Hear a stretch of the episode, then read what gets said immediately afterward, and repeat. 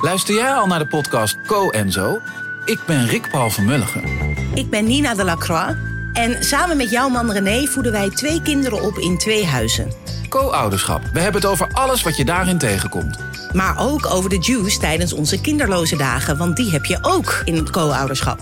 Een podcast voor alle ouders in alle vormen, maar ook voor alle mensen zonder kinderen. Zijn we eerlijk, heerlijk herkenbaar. Dus luister naar Co en Zo in je favoriete podcast-app.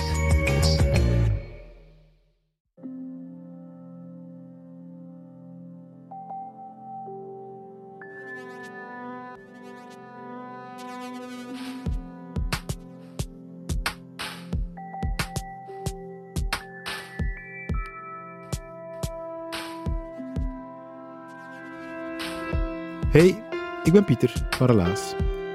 En deze week stel ik je trots een nieuwe podcast voor, Onderhuids. We hebben hem gemaakt met het Relaas-team samen met de diversiteitsdienst van Brugge en met de hele groep vertellers van Brugge United Against Racism. Want de verhalen en betogen die we hebben verzameld gaan allemaal over racisme en discriminatie. Omdat het in 2021 nog altijd niet vanzelfsprekend is dat we allemaal gelijke kansen krijgen. Je vindt onze nieuwe podcast Onderhuids op Spotify of waar je ook naar podcast luistert. En omdat het helaas allemaal waar gebeurde verhalen zijn, en omdat ze verteld worden door de mensen die ze helaas allemaal zelf hebben meegemaakt, krijg je van ons deze week het verhaal van Michiel.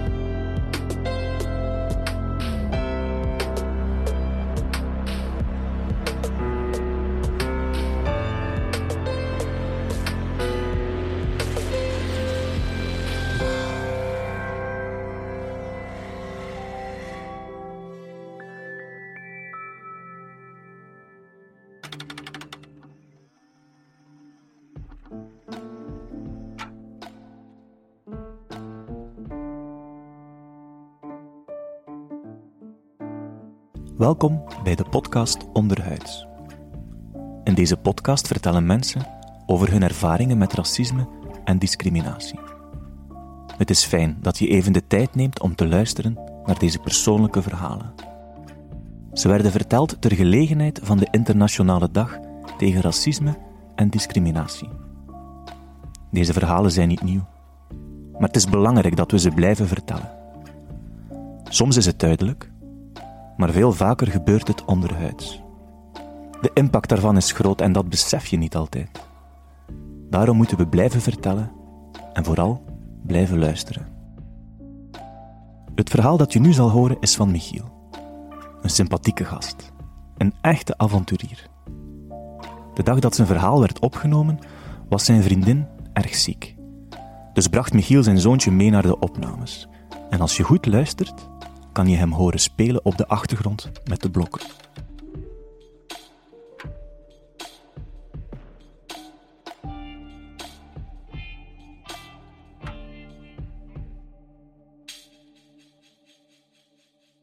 Ik ben begin 2020 vader geworden van een pracht van een zoon.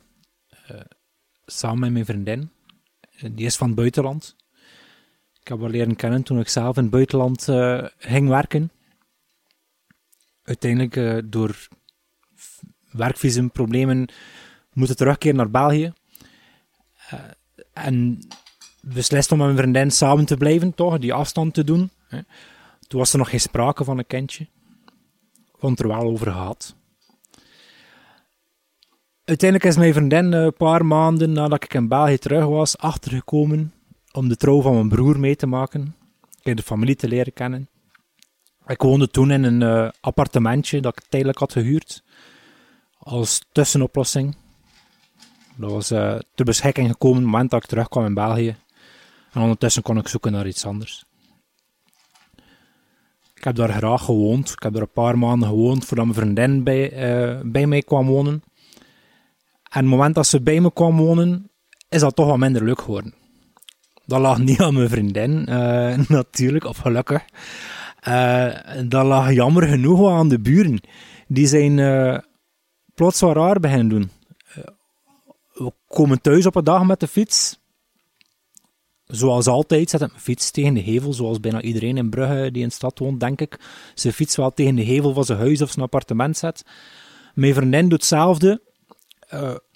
Zet me daar stuur tegen de ruit, of wat dan nu hard was, of dat hard was, dat laat ik eh, aan iedereen over om te beoordelen. Ik zelf vond van niet, maar er kwam, een, eh, er kwam daar een heel felle reactie op.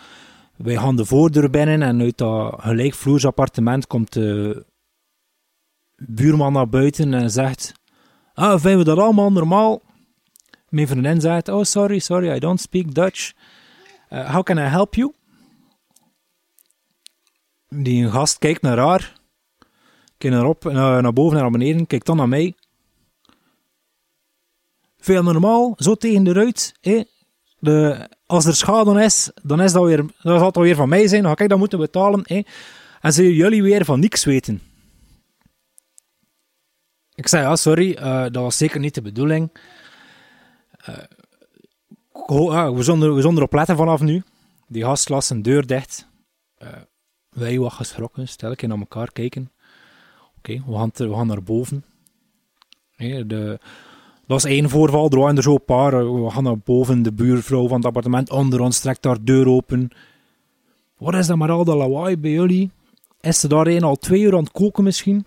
Ik zeg lawaai, ik weet niet, ik hoor niks. Het was zelf op de hang, ik hoor niks. Ze zegt, ja, jullie damkap staat al, ik weet niet hoe lang aan.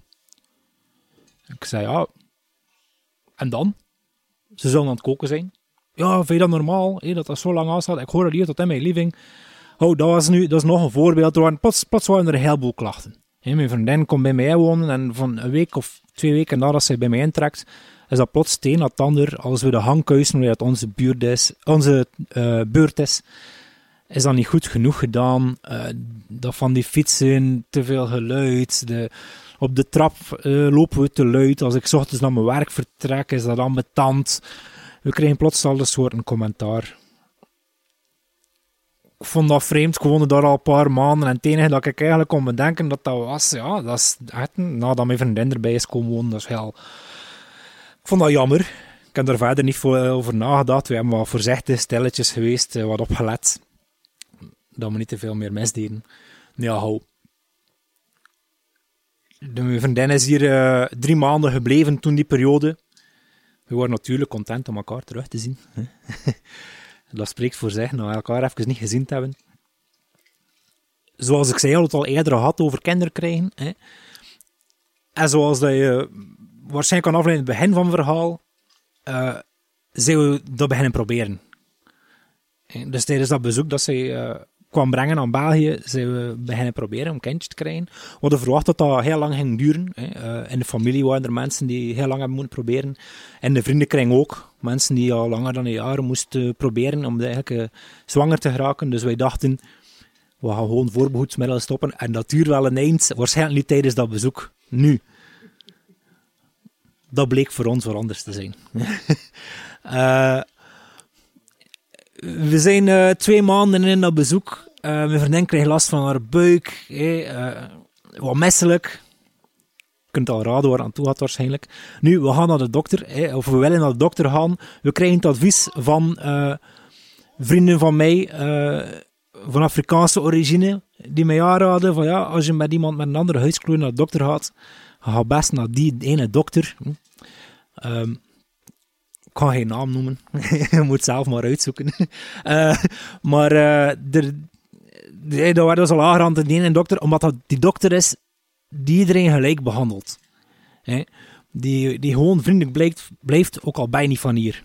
En die even hard naar je verhaal luistert. Ik vond het wel vreemd, ik had dat niet verwacht, dat zoiets ging gezegd worden.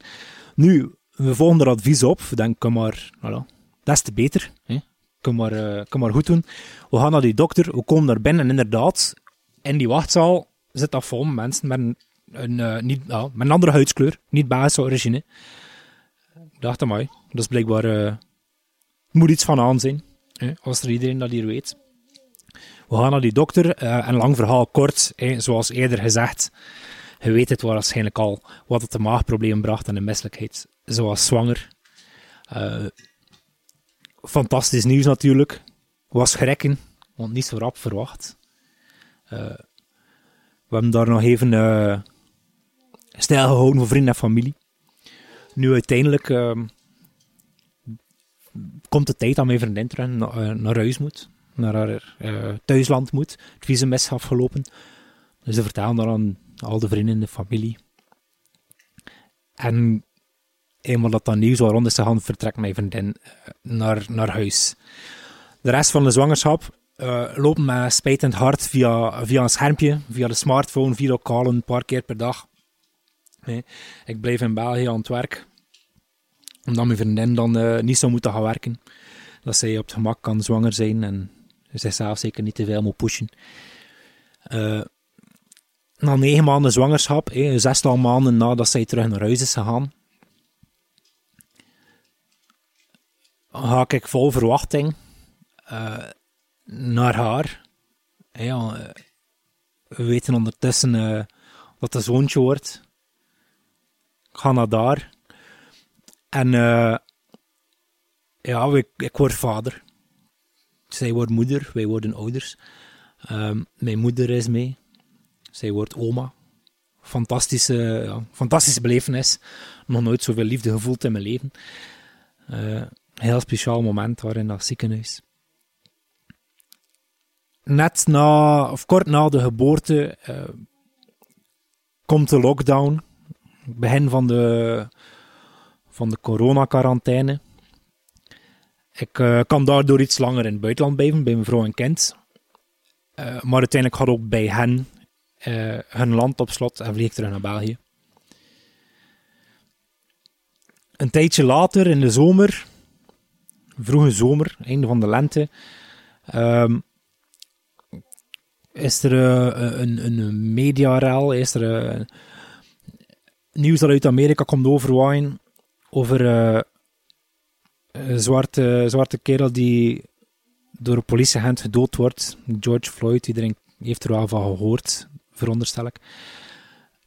En dat nieuws en ook die, het feit dat er hier in België zwaar doorwaait en dat hier betogingen zijn en zo, laat mij even goed stilstaan bij het feit dat mijn kind ook gemengd zal zijn van huidskleur, dat hij ook niet gewoon, zoals ik, blank, in een blank land zal opgroeien. En dat hij daar misschien ook al mee zou te maken krijgen met het racisme waar al die betogingen tegen zijn, of waar alles over gaat. Uh, waar het heel het nieuws ook de hele tijd over gaat. En dat baar mij op zich eerst wel... Ik weet niet of het mij zorgen baarde. Het gewoon het wel even stilstaan bij alles. Bij hoe makkelijk dat voor mij is geweest, dat ik daar nooit aan, mee, aan heb aan moeten denken. Ook bij het feit dat ik er niet aan gedacht had. Moest ik even stilstaan van, nee, wordt papa, heb er niet eens aan gedacht. Aan, wat, aan dat aspect van, wat je, wie dat je kind is, of wie dat je, wie dat je volgende generatie is. Ik vond dat ook leuk om te beseffen dat dat voor mij niks uitgemaakt had in mijn hoofd. Ik vond dat wel jammer dat ik daar moest, moest bij stilstaan. Nu, ik beslis daarom. Ik denk het beste wat dat kan doen voor mijn zoon, als die zoiets zou tegenkomen in een situatie zou terechtkomen waar ze hem uitmaken of uitschelden, uitsluiten, uh, omwille van zijn huidskleur, is zorgen dat hij dat kan plaatsen. Dat hij daar sterk genoeg over in zijn schoenen staat. Dat hij weet waarom dat hij een andere huidskleur heeft. Wat dat wil zeggen dat hij daar trots op mag zijn, op wie dat hij is. En ook van waar, en misschien dan vooral van waar dat die beledigingen komen. Ik ben nogal iemand die gelooft in de ander proberen begrijpen. En ik dacht, ik kan mij wat verdiepen in het thema. Ik ga boeken lezen. Ik lees wat over de geschiedenis van België-Congo. Omdat ik denk dat vooral bij de oudere generatie dat wel een rol zal spelen in de perceptie van uh, de andere huidskleur. Daar, ik lees wel boeken over mensen die zelf, of geschreven door mensen met een andere huidskleur die in België zijn opgegroeid. Wat van alles, wat lectuur dat ik daarover kan vinden. Ik luister ook naar het een en het ander van verhalen. Ik praat daar met wat vrienden van andere origine regelmatig een keer over. Over die zorg dat ik, of die, die, die zorg, over die hersenspinsels dat ik daarover heb, over mijn kind dat een andere huidskleur zal opgroeien uiteindelijk eigenlijk kom ik tot het punt waar ik denk vrij, vrij zeker ben van mezelf dat ik dat eigenlijk wel heel goed kan kunnen plaatsen, dat ik daar een mooi kader voor hem ga kunnen creëren, dat hij voor zichzelf een stootje zal kunnen krijgen, recht in zijn schoenen zal blijven staan, zijn rug gaat rechten en gaat zeggen dat eer mij niet. Hm. Dat is enkel voor jullie belangrijk.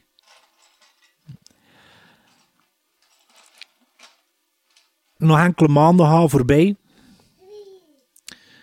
En uiteindelijk, uh, na heel wat papierwerk, uh, heel wat over en weer gelopen, van bureau naar bureau, van Bali naar Bali, van stempel naar handtekening, naar terugstempel, naar e-mail en terug handtekening. Krijgen we de papieren in orde om, uh, om mijn gezin naar hier te halen. Kunnen wij eigenlijk eindelijk terug een gezinnetje zijn.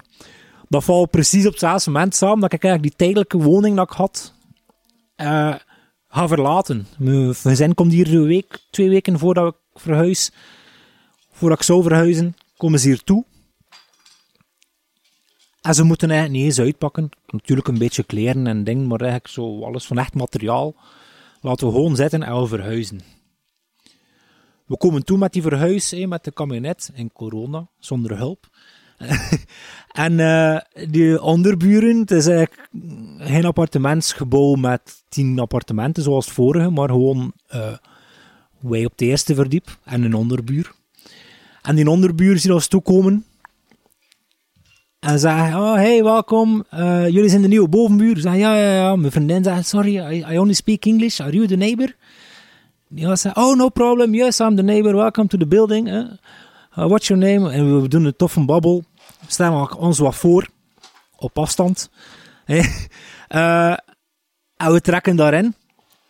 En terwijl dat wij dozen aan het uitladen zijn en wat aan het intrekken zijn, zegt mijn vriendin plots tegen mij: I'm so happy the neighbors here are nicer than in the last building. En plots valt mijn frank. Uh, zeg ik, ja, ja, yes, indeed, nice. En word ik even stil, omdat ik besef dat dat eigenlijk enkel was wanneer dat zij er was, dat die buren zo lelijk deden. En dat moment dat zij er niet meer was, dat ik eigenlijk geen probleem heb gehad. Dat mijn fiets daar wel tegen de mocht staan en dat ik niet te luid was op de trap. En dat dat eigenlijk geen issue meer geweest is. En mijn Frank valt dat dat gewoon door haar, door haar was. Door, ja, kan enkel maar zijn door het feit dat zij zwart was. En er zijn nog genoeg mensen bij mij over de vloer geweest. Niet ingewoond natuurlijk, maar over de vloer geweest. Waarbij dat dan nooit een probleem was. Dat ze eigenlijk ook zouden kunnen lastig gedaan hebben. En enkel bij haar, met, een, met haar andere huidskleur, deden zij lelijk. En met dat besef valt ook een andere Frank. Dat ik met al mijn boeken en mijn kader dat ik gecreëerd heb, en al mijn voorbereiding en mijn verdieping, dat ik voor mijn zoon eigenlijk niks ga, niks van kader ga kunnen brengen voor zoiets. Er is geen beledigend woord naar zijn hoofd gesmeten, er is geen racistische opmerking of dwaas verwijt of stomme uitspraak, dat die kan plaatsen en kaderen en door zich heen laten gaan daardoor. Dat zijn die mensen die zeggen eigenlijk niks verkeerd. Zijn gewoon lastig. Racisme is iets raars. En als vader gaat mijn best doen om een kind daar zo goed mogelijk mee om te helpen gaan. Onderhuids is ontstaan uit de samenwerking tussen de stad Brugge en de organisatie Brugge United Against Racism. De vertellers zelf werden ondersteund door een verhalencoach van Relaas. Relaas is een podcast met waar gebeurde verhalen, verteld door de mensen die ze zelf hebben meegemaakt.